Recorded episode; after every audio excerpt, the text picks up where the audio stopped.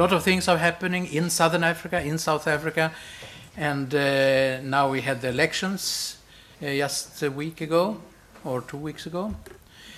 And uh, of course, it's very interesting what's going to happen. The world is in turmoil. Many countries in Africa also are meeting a lot of problems. South Africa has been our hope for quite some time. There has been some ups and downs in that hope, and that's what we are going to discuss today. I mean, the, we are not going to be very sophisticated. We are not going to give you any exact details on the elections.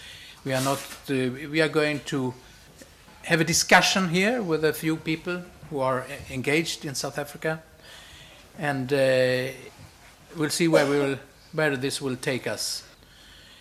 We'll start by asking Fiona. Uh, no, we ask by asking you all to present yourself. I think it's better, and a little more than, than just a few words. Good evening. My name is Fiona Rowley. I'm currently the Executive Director at International IDEA, but I'm here because I used to be the Chief Deputy Chief Electoral Officer responsible for corporate services at the Electoral Commission in South Africa. So my understanding of the electoral process in South Africa is relatively detailed and granular, starting with the constitution and working its way down to the practical realities of the logistics of delivering an election in the circumstances that we faced. Thank you. Thank you. Henning? My name is Henning Melber. Good evening. Uh, the short version is I'm a German born Namibian living in Sweden. Okay. What it means I came to Namibia as a teenager, considered it as my home, joined SWAPO 45 years ago. I'm still a member of uh, the former liberation movement, now government. Um, not very much liked by my comrades, but uh, they haven't kicked me out. And I came to, uh, from Namibia to Sweden in 2000 as the Forskningschef for the Nordiska Africa Institute and was then uh, the executive director of the Dag Hammarskjöld Foundation, and now I'm back at the Nordic Africa Institute. Liisa? Thank you. My name is uh, Liisa Laakso. I'm a senior researcher at the Nordic Africa Institute. Um, my current project concerns uh, political uh, transformations in Africa, also from the point of view of uh, academic freedom and uh, political science discipline knowledge.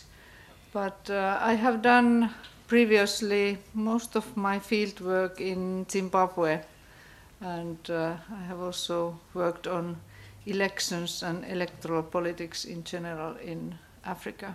I, I started now my my current research project uh, only in January, but uh, I have to say that this spring has been quite exciting time in African politics, as is it also in, in Europe and, and uh, elsewhere in the world. So a lot is happening in that area.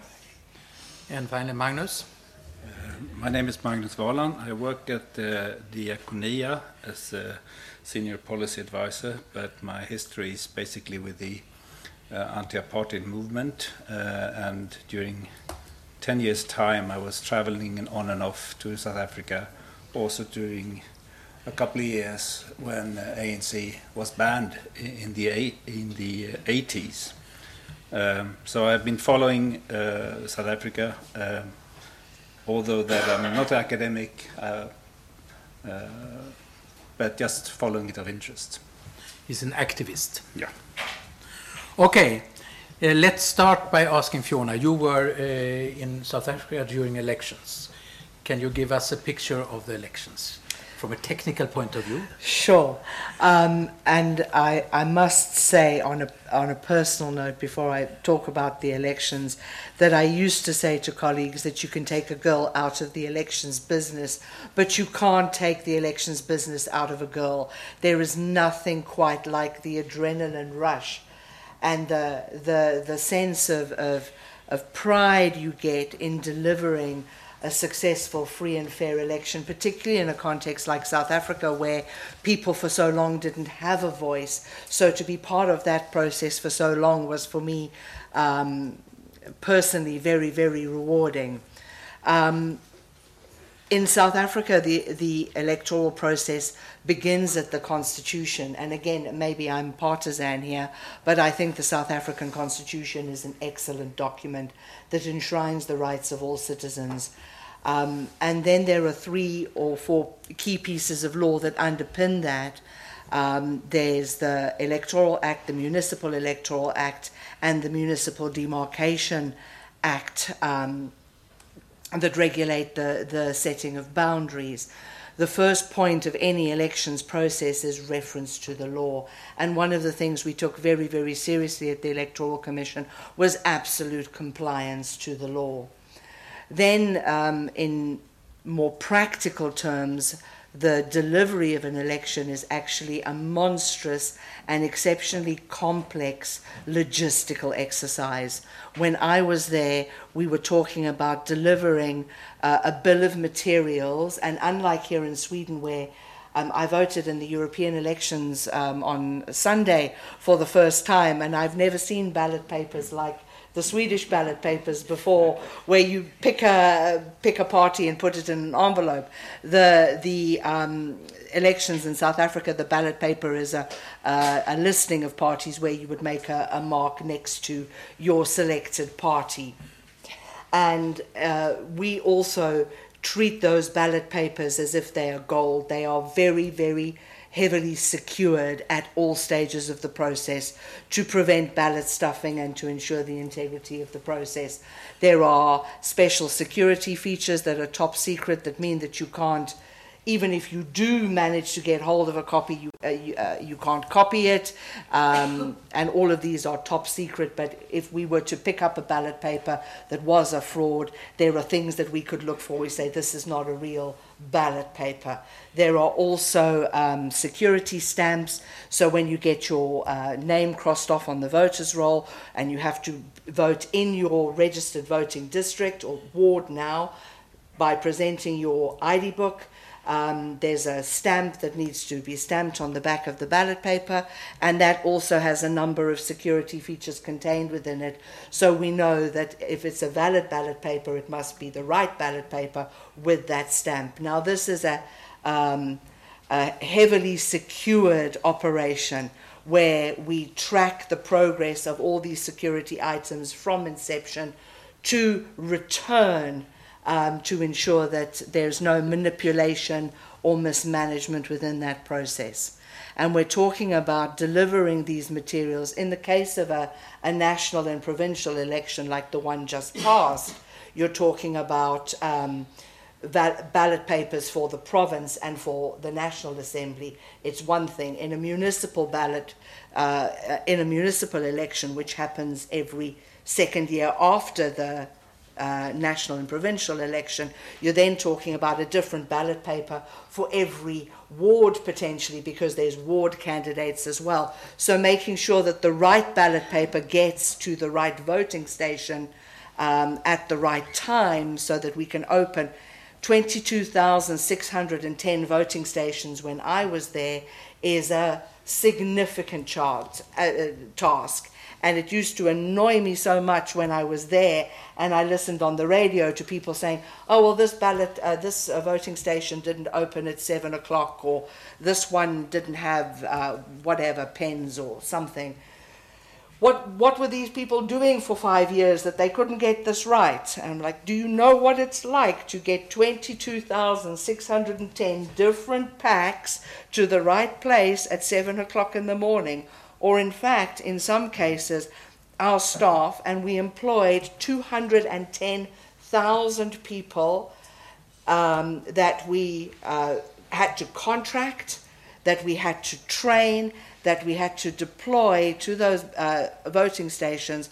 Somebody's going to get lost. Somebody's going to have had a row with his or her uh, uh, spouse or partner the night before, and as a consequence, oversleep because they didn't get to bed on time. Somebody's going to have a tummy ache. Something that you, you, you can't realistically expect all of those things to operate smoothly. It's just not a realistic prospect. But the fact that we managed to repeatedly do it with such high levels of success is a testament to those people that work in that institution still and deliver this. And if you look at this year, was it as good as when you were there? I think so. I think so. There were challenges, and there will remain challenges going forward. Um, one of the things is, of course, that uh, as the country experiences uh, a restriction in its its growth and its available fiscal resources, the money available for elections is under increasing pressure, and the high levels of contestation mean that the costs are potentially going up. There were about a million more people on the voters' roll this year than there were in the previous election. So that means you have to have equipment and facilities for potentially a million more people to vote. Although turnout was lower, you can't, when you go into the election plan for a low turnout, you have to ensure that you have the equipment and the ballot papers for everybody and there were 48 people on the ballot as uh, 48 parties on the ballot as well. So previously maybe you had to print a ballot of this length. Now it was it was a fairly substantive document.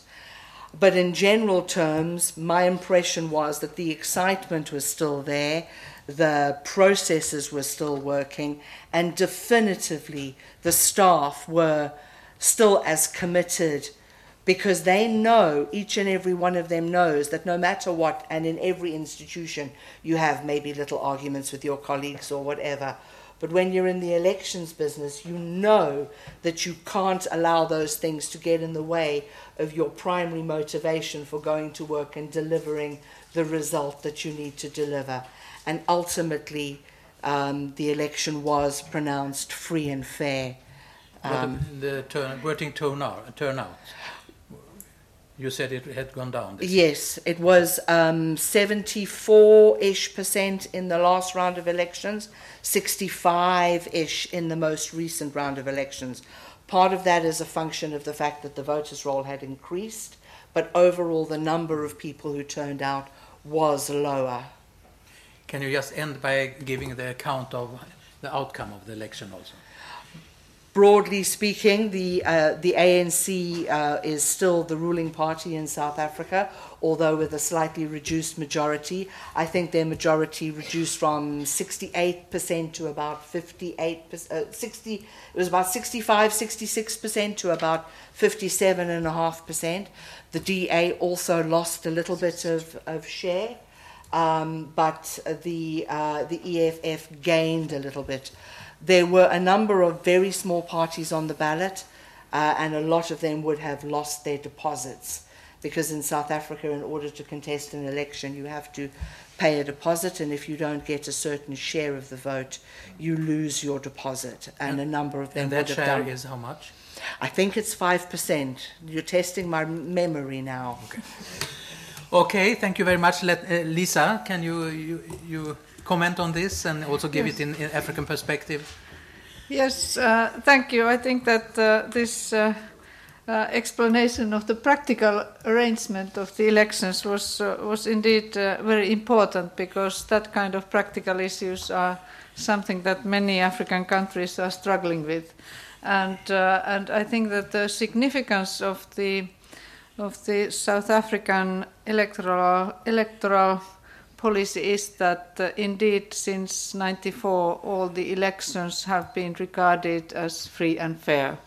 And uh, when we have seen now elections from, uh, well, uh, starting from Zimbabwe uh, last year, uh, Democratic Republic of Congo, Nigeria, Benin, Cameroon, I mean, there have been serious accusations of, uh, of uh, possible rigging or interference in the election results. Even, even today, when the, or I think it was yesterday, when the results of the presidential elections in Malawi were declared, I mean, there was uh, immediate uh, discussion that the opposition candidate did not accept the, result, and there were already court cases.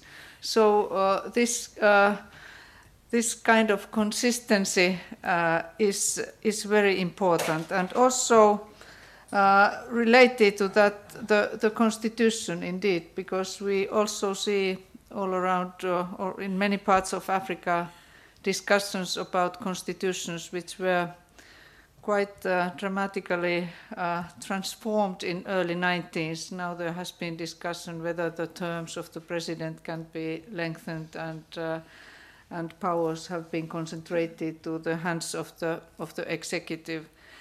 But, uh, but I think that uh, Africa is still uh, has potential to go to the to the good direction. If we look at the global trends, uh, the democratization has has uh, has is seen serious setbacks in Europe, in the U.S., in in in, uh, in much of uh, Latin America. But uh, in Africa, we, we can see that it's maybe not progressing as much as in previous years, but there is no that kind of uh, uh, turn. And uh, I think that these are very critical times in order to keep this belief in, in political opening up and uh, accountability of the rulers and uh, and uh, people's uh, participation in the elections.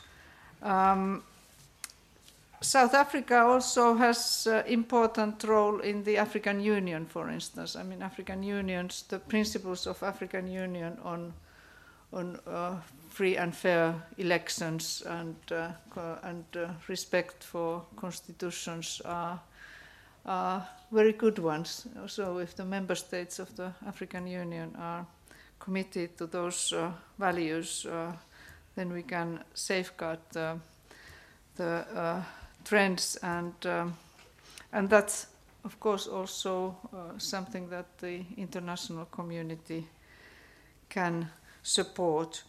And uh, just a comment of the results of the elections. Uh, we, we can, of course, see that the support of uh, ANC is not like it has been previously, and, uh, and maybe we can then hear more and discuss about the reasons behind that, all those uh, corruption scandals, etc.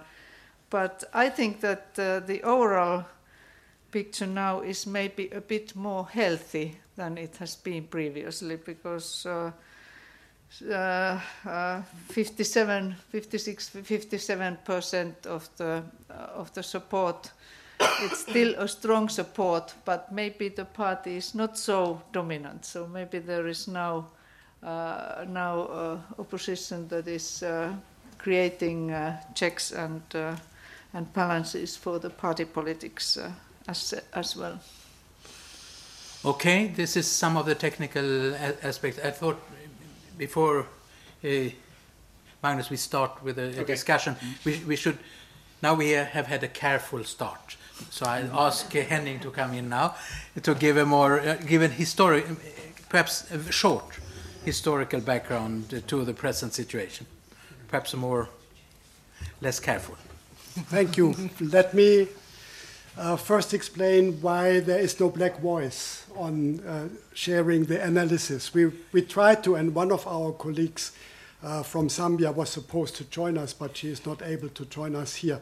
So it's not that we didn't think about it or not tried uh, to bring in black voices. Just if you're wondering, uh, at least it's a gender balance, but it lacks some other uh, multiple voices. Um, but we tried.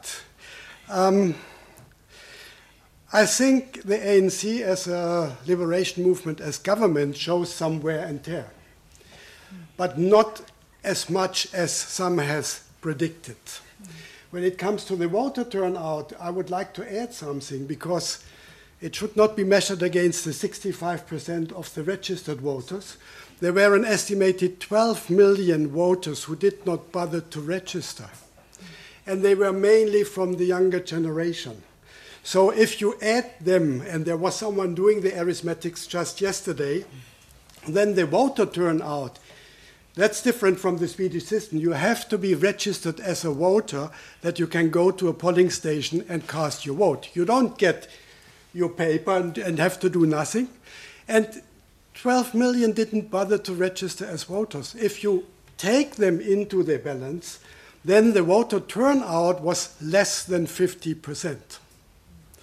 You could say, well, in the so called best democracy of the US, it's even less uh, with a similar system, but just to keep in mind what looks still impressive with 65% looks less impressive when it comes to the real number and is a warning sign looking that there was a considerable amount of protest voters, the younger generation who said, We are not voting, which was a protest vote. You even had uh, in the uh, in internet and Facebook campaigns to call for mainly younger generations as this medium of communication usually approaches to call for not registering or if you have registered not to vote. That's significant because I think it shows that as a liberation movement, the ANC has reached an expiry date as other liberation movements. But if you compare it with Zimbabwe or even with uh, Mozambique or, or, or Angola, where they need to have state organized terror to stay in power, the ANC does not have to apply that. As we heard, the elections have always been considered free and fair, and none, there were a few minor complaints immediately during the election process. Someone said, Oh, I could rub my ink away and could vote so and so many times. Those were minute complaints, and none of the parties actually, as a matter of principle, challenged the election results. That's very important. So it means the ANC has again regained an absolute majority after eight absolutely awful years in government. Do not forget, Ramaphosa didn't have a chance. The one year he did crisis management to keep the party together, and he couldn't fight the corrupt elements because they hold almost still half of the ANC. And he got a vote which gives him the benefit of the doubt. And that, for me, is the most striking feature. Yes, you had disgruntled votes, they went to the EFF, not as much as I would have assumed originally. Some of them in KwaZulu Natal, for, because of the regional uh, conditions, went back, I would say, to the Inkatha Freedom Party. Uh, the EFF did best in Limpopo and Northwest, where they have their main stronghold. But even Gauteng, where a lot of people said ANC will not keep the control in the provincial elections, because keep in mind we had national parliamentary elections and provincial elections. It was like that that they kept Gauteng, but even with that minor success, no one said these, these were rigged elections. Um, so basically, yes, the Freedom Front got a number of uh, disgruntled voters from the Democratic Alliance who went there. I would say it's not worrying on both sides. It's a pattern which we observe in Sweden, if I may say. We observe in most of the countries that voted in the EU elections that a number of voters move away from the dominant parties and go either to the left or to the right. South Africa is just not very different, but I think altogether it was a vote for social stability and a vote that allows Ramaphosa, so to say, a mandate to, to Ramaphosa, okay, now, you multi dollar millionaire, now please deliver. Okay, that's what we are going to speak. Are you, you think you have said about history as enough on this? You can come back later. Magnus.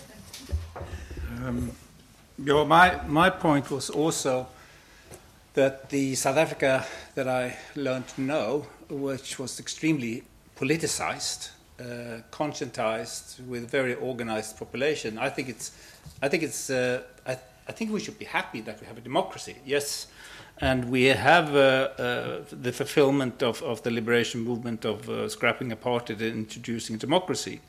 But we also have a, a very, very unequal society. a better life for all was the ANC promise uh, from 94.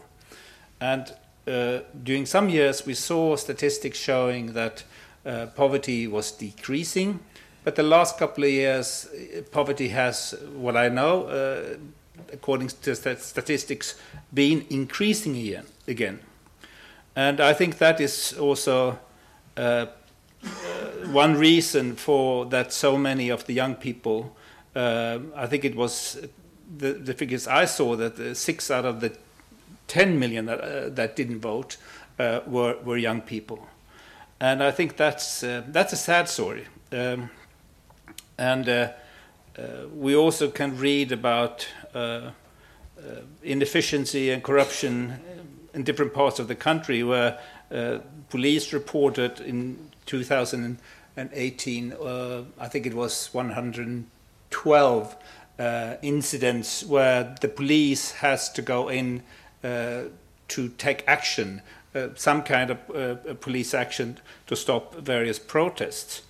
Uh, and that's uh, signals of a dissatisfaction, uh, which I think uh, can lead to a lot of things in the future. Uh, we already see tendencies of uh, xenophobia and populism, and I think that this should be taken very seriously. If you wanna, you, you, you explain how the election process now is still is working very well. Uh, what about uh, and the constitution, as we, as you said, is one of the probably one of the best constitutions mm. in Africa, but also very comparative with the best in the world. How is is implementation when it comes to other rights uh, with, within the constitution? I mean, the election you said works uh, quite well still. I need to think about this and I need to be very, very careful indeed yeah. because I am absolutely schooled as an ex official from the Electoral Commission not to express any view that might be considered political in any way at all for fear of either enfranchising or disenfranchising a party. And as a result, I have to always temper my my responses with that paradigm because it's very easy to make a statement that can be considered to be political in one way or another. Uh, in general terms, my own personal experience was that my rights, certainly from an elections perspective, were protected. Broader than that, I would be hesitant to make a public statement on, I'm afraid. Okay. I'm overly cautious, perhaps, yeah. for no, but it's right because, because you are mm. by being an official and, and, head, and actually uh, senior, senior official of IDEA, you have to be careful. I can understand that. Mm. But uh, then perhaps Liisa, you can comment on that. Yes, uh, yes. Uh, well, I think that this uh, apathy of the young voters and uh, cynicism is uh, is a very serious concern because that can can really uh, ruin the legitimacy of the political system. And uh, we have now the, the recent uh, reports of Afrobarometer, which is making uh, surveys on, on the values of, uh, of, uh, of citizens in, in several African countries, is showing that, uh, that although a majority of Africans still support protection of individual freedoms, the support has declined. And, uh, and uh, uh, a substantial number of citizens, also in South Africa, are willing to consider trading freedoms to greater security. So, issues related to everyday life uh, security, I mean, the, uh, the uh, threats of violence, whether political or criminality, are things that people are, are worried about. And, uh, and I think that uh, indeed the, the uh, making the uh, political system participation significant for young people is, is a real challenge for not only for ANC but the other parties too. Any?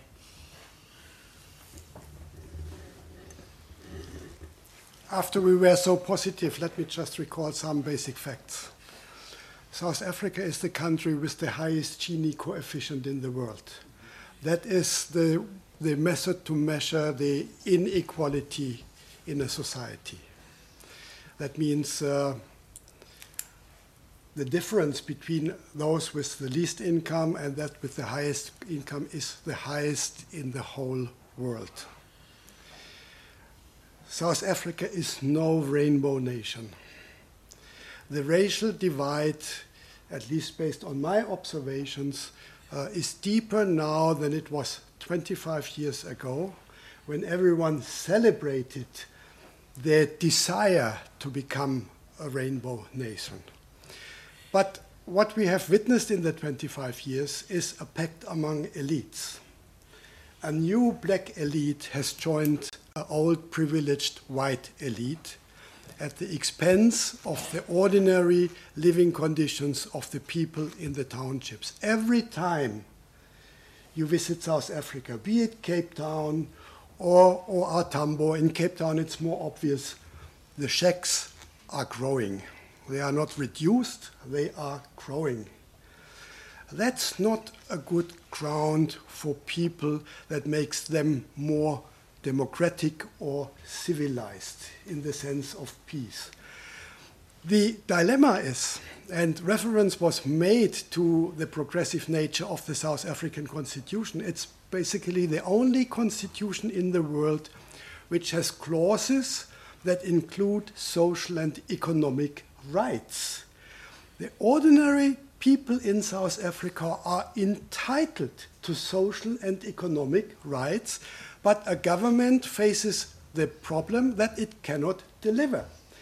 While there is rule of law, and you can bring complaints to the Constitutional Court, the Constitutional Court has several precedent cases ruled where the government needs to provide housing. In the case of HIV AIDS, uh, it ruled the government has to deliver antiretrovirals.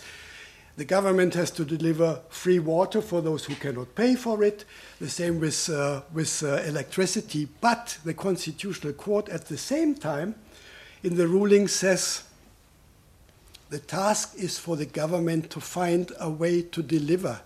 We cannot force them to deliver in the absence of having the means.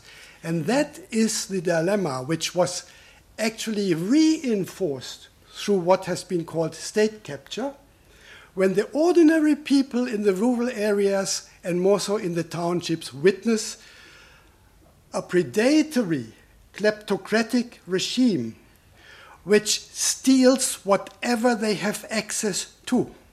And the ordinary people have to pay the bill. And coming back to my first uh, statement, I think this is where Ramaphosa is expected to deliver and make up for the eight lost years. If he can, that's a big question, but I think that is at the moment uh, the, the challenge. And that's where the young people say, we wait and see. We have no reasons to trust. As born frees, that you liberated us from apartheid. No, you didn't liberate us. We grew up without apartheid. It does, it's not, we measure you against what you deliver. And what you delivered the last 10 years or so was absolutely lousy. So now let's see if you improve.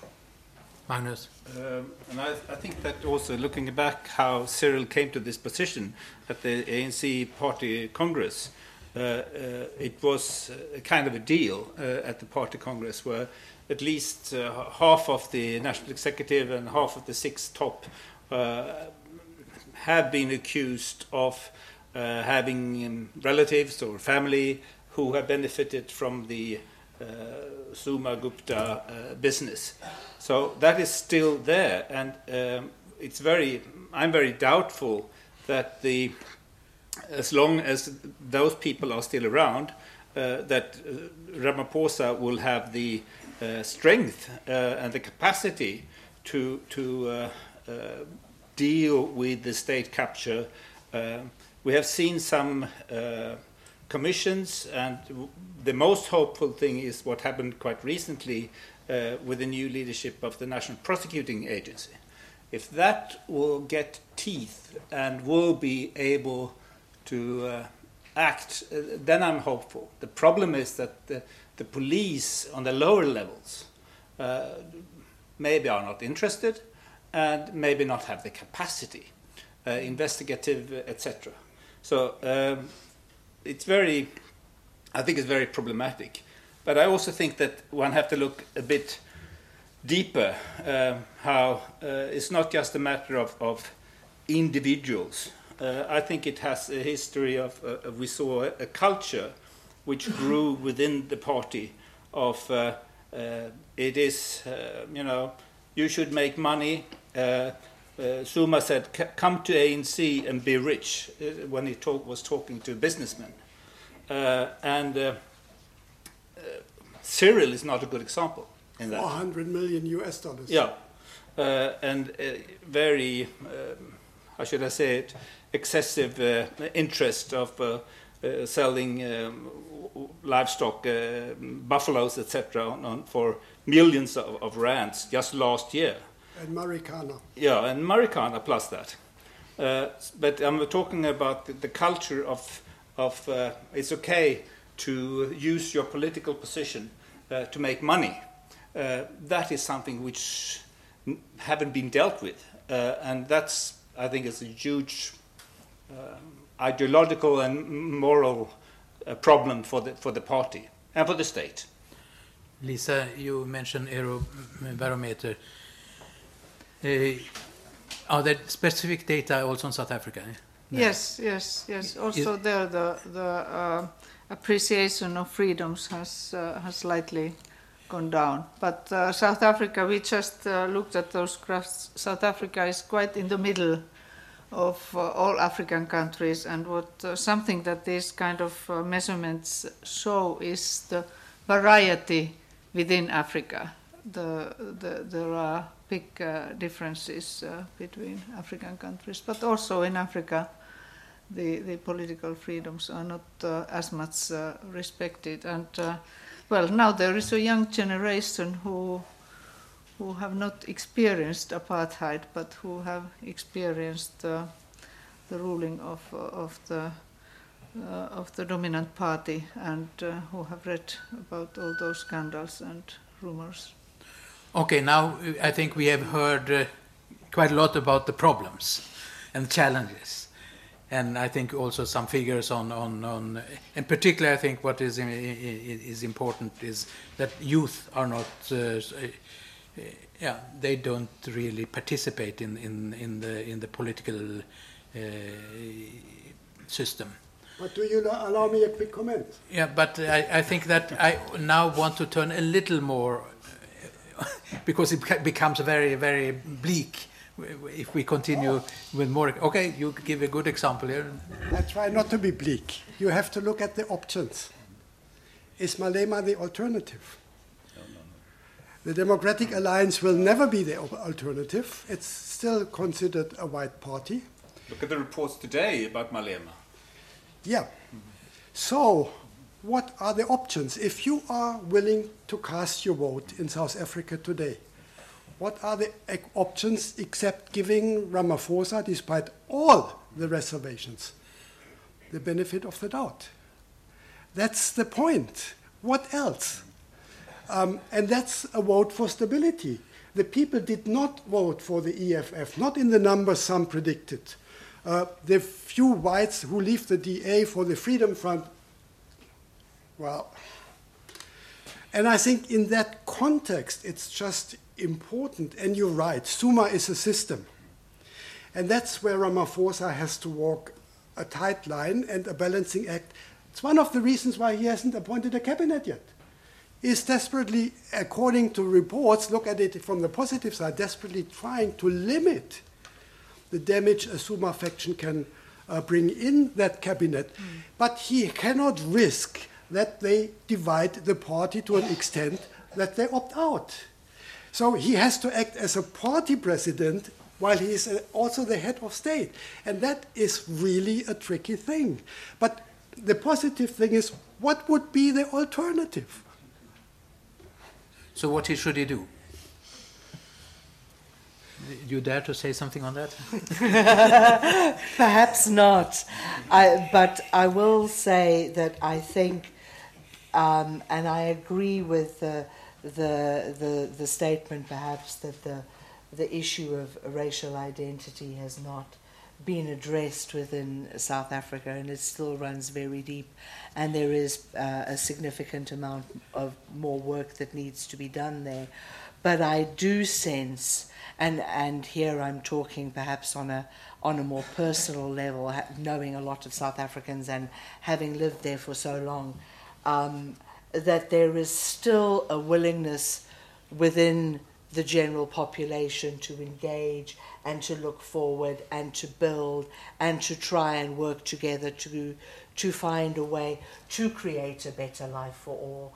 I don't think that in South Africa people have given up to quite the extent that the bleak picture may may be presenting. I think there is still a willingness to be positive and to work to the future. I think though, and, and you're talking about the the inequality index, the challenges are significant and there needs also to be some level of realism about what can be achieved in what time frames. Nobody's got a magic wand and you don't turn the Titanic on a a tikkie, a two and a half cent piece. It's got a wide turning circle. There's uh, there's work that needs to be done, sure, but uh, it's going to take potentially quite some time before some of these things will bear real fruit. Yes, I think that is a more optimistic way of expressing it. Yes, you want to comment on that? I, think, I mean, I, I, I, yes, of course, there are uh, uh, hopeful signs, and there are a lot of organization. The youth organizing different ways, communities organizing in different ways, and I think that, of course, that is hopeful. Uh, I'm, I'm, just, uh, uh, and I think that without Ramaphosa, I think that the ANC risked to go under 50%. Uh, so there is a sense of we have to give Ramaphosa a chance and a willingness to support the ANC as a party because of him, I should say. But then it's another thing to, to be a bit realistic and, and knowing how the situation is uh, within the party uh, and what to do. I mean, there are some people who argue that uh, Ramaphosa should do like Zuma, ignore the NEC and you know do his own thing as a president. Uh, but that will split the party, and I don't think that he's interested of that.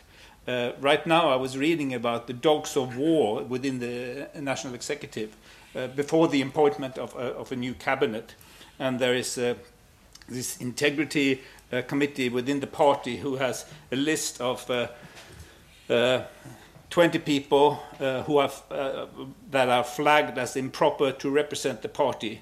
Uh, and they are now wetting those, and those people are answering to, to the party. Uh, so it's an uh, extremely heated uh, debate and process within the party right now. Uh, and we should be, it should be extremely interesting to see the cabinet when it's presented who are there and who are not there. The timing is now is extremely exciting. But Magnus, what is the alternative? Uh, I mean, I, I, don't have a, an alternative. Uh, I'm just saying that I'm happy that there is an enormous a lot of people, organization who's trying to organize themselves.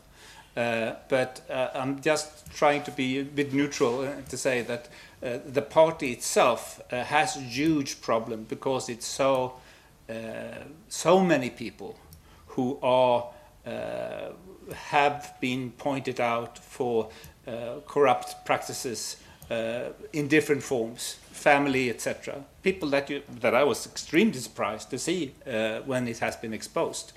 Uh, and the reason for this is that we have a free press. Uh, and that we should be happy for, uh, which uh, uh, exposed this state capture. I think it was through a computer that uh, ended up wrongly, where a lot of the documents from Gupta was exposed in media. Liisa, any comments on this? Yes, well, uh, media and uh, free press is uh, is indeed uh, something that uh, where, where South Africa is also an important example for other other uh, African countries. But this uh, the role of media also re, uh, relates to education. I mean, general education and and uh, civic education. And uh, one worrying issue is the uh, the performance of uh, schools at the moment in, in in Africa. I mean, the the the figures of uh, of young people without proper kind of basic skills in reading, writing, and calculating is uh, is quite dramatic. Although the kids are going to the school, they are not properly learning. So this is uh, the crisis of education is certainly also something that might explain uh, partly also about the apathy of, of, of young people if if uh, if they are pro- if the society can provide proper kind of uh, basic education and there is uh, uh, the, there is a uh, vivid uh, civil society associational life. I think that there are potential for, for people to organize and to make the party accountable uh, through through the party organizations. And uh, maybe also, as I said uh, earlier, I think that uh, even though it might be that um, none of the opposition parties is a real alternative, that they are a bit more stronger. I think it it makes uh, ANC maybe more. It, it's maybe forcing ANC to be more transparent, and, uh, and at the uh, at the district or provincial level, uh, there are also uh, uh, settings where the opposition is quite strong. Henning, when will we know? Uh, how long time will it take for uh, Cyril to, Ramaphosa to to show that he is able to tackle some of these problems? The first uh, indicator everyone is waiting for is the cabinet.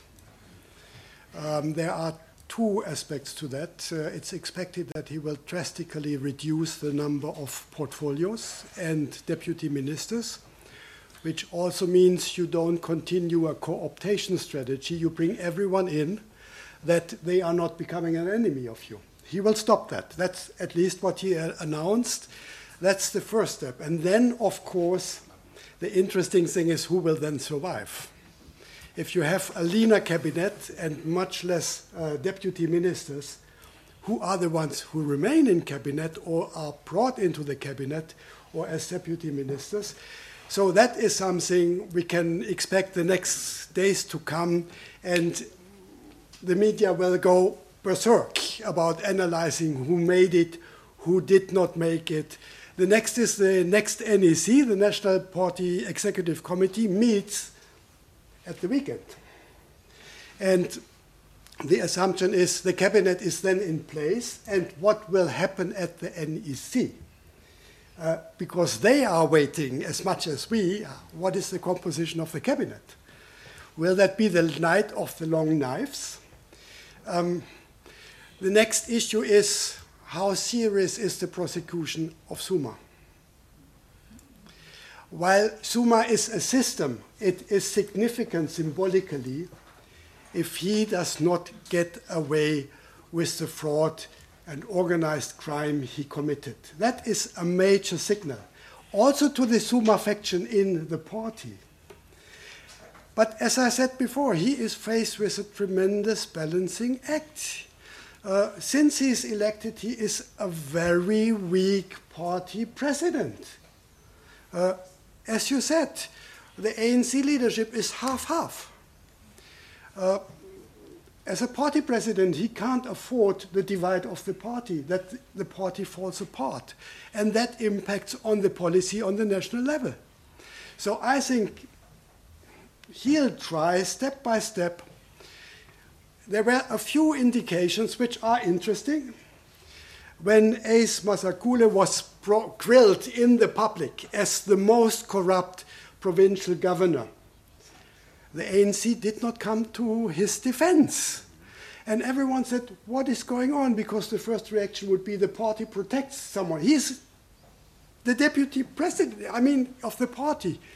No, they left him out in the cold. But they didn't protect the Cyril either. No, that's true. But that's, of course, where everyone now reads in the coffee.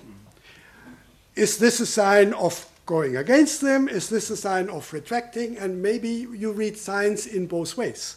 It is this balancing act. So it's very difficult to predict. I think what for me seems clear if he manages, the ANC will stay in power. If he doesn't manage, I'm not sure if they get another absolute majority in the next elections because the people had enough. If he goes too far, that's the one thing I can't judge and I'm afraid of. Let's not forget, while we praised South Africa, ever since democracy, political assassinations continue on a daily basis. In the Orange Free State, in KwaZulu Natal, in Limpopo, in Northwest, you name it, we have within the ANC power struggles which result in planned executions mm. of competitors. So South Africa is not as peaceful when it comes to politics, mm. like, for example, Namibia. Um, it's important to note because that is my fear when I think about it, and then I stop thinking further. If there is a tipping point where the Zuma faction says that is enough, what are they able to mobilize? I don't know, but that Okay, would be my that- fear. It's enough with. I, I just wanted to know when will we know? What? I, okay. Uh, I mean, the uh, uh, most exciting perspective, which is not related to maybe directly uh, uh, what happened in the ANC top leadership, is the National Prosecuting Agency. If they got a new leadership, if they get power, if they get resources, uh, and they have indicated that they will not shy away from anything. Uh, uh, and there is a lot of material already exposed about uh, uh, ACE uh, and some of the other leaders within the party leadership. The justice system can solve it, so to say. And then the these old um, corrupt people who came to, into power with, with under Zuma years uh, might not stay, and they will be picked not of political negotiations, but one by one by the justice system. And that, I think, is the most, and it will not happen tomorrow, but, but it might be uh, even more significant uh, than, than, than the Zuma case, uh, because the Zuma case is still uh, so much tainted by uh, political. They have already made compromises in that trial, which is, I think, is not uh, acceptable uh, of people who have been let off the hook, etc. Uh, and uh, but it's also something which is going on right now, and of course it has an impact. But it's very small money. We're talking about half a million a, a year for, for Zuma, compared to the the big arms deals where there were money of 1.3 billion. Uh, so, uh, but there is a discussion also if uh, Zuma is pressed too much uh, that he will spill the beans on the ANC as a party. Uh, because I think that the majority of those 1.3 billion, uh, and I read the court case documents which has been accepted by the court, you're talking about possibly, I would say, estimate about 1 billion that went to the ANC as a party uh, when they was building up their own investment bank in a few years' time. Uh, they were bankrupt, and then they had an investment bank. And I'm, I'm convinced, and I've been speaking to senior NEC members who admit this as well, that this um, money went to the ANC uh, to build up an own uh, capital and investment bank. Chan- You, Chancellor you say they, about judiciary, and that and they would be, be able to prosecute. Is the judiciary system stable enough, strong enough to, to be able to handle these cases? I mean, the question mark is that the police are are are, uh, are able to m- make investigations which are, are solid enough. Uh, but with the new political leadership and National Prosecuting Agency, I think that the, uh, there, there are hope. Uh, we should also remember that the NEC uh, took decision of closing down the most efficient uh, police investigating unit, Scorpions, after a political decision because it threatened them. And in that, uh, Mbeki and Zuma and the whole NEC was agreed because they didn't want to have an effective investigative uh, police, uh, which is, I think, was a, a real shame that they did that. But I'm, I'm hopeful now. Uh, I, it's, uh, uh, it's such a strong signals that they are willing to, to tackle on uh, and do follow up and prosecuting cases in relation to the state capture. Okay, what you are saying is that we have had eight years of very serious uh, uh, problems, and that uh, after this election there is hope, but it, it, it requires quite considerable political will and and, and uh, risk taking. And we will not really. We, we might know quite uh, quite a lot of things already very soon. But really, I mean, the cha- real changes will take some time because it re- would require that that institutions will be created and will work well, like the pro- prosecutor. One aspect which I think is interesting that it was uh, looking at the party. So many of the uh, veterans and experienced people basically left the party. Uh, they couldn't stand uh, or didn't get positions uh, or deliberately left party under Zuma. But uh, uh, I understand that the the, uh, the ministers and Ramaphosa himself have appointed various kind of committees where a lot of the old um, experienced political leaders are now going back to the party and, and supporting with their skill in various advisory committees. I don't think it has been written very much about this, but I think it's quite an interesting development. And I think it's a positive one.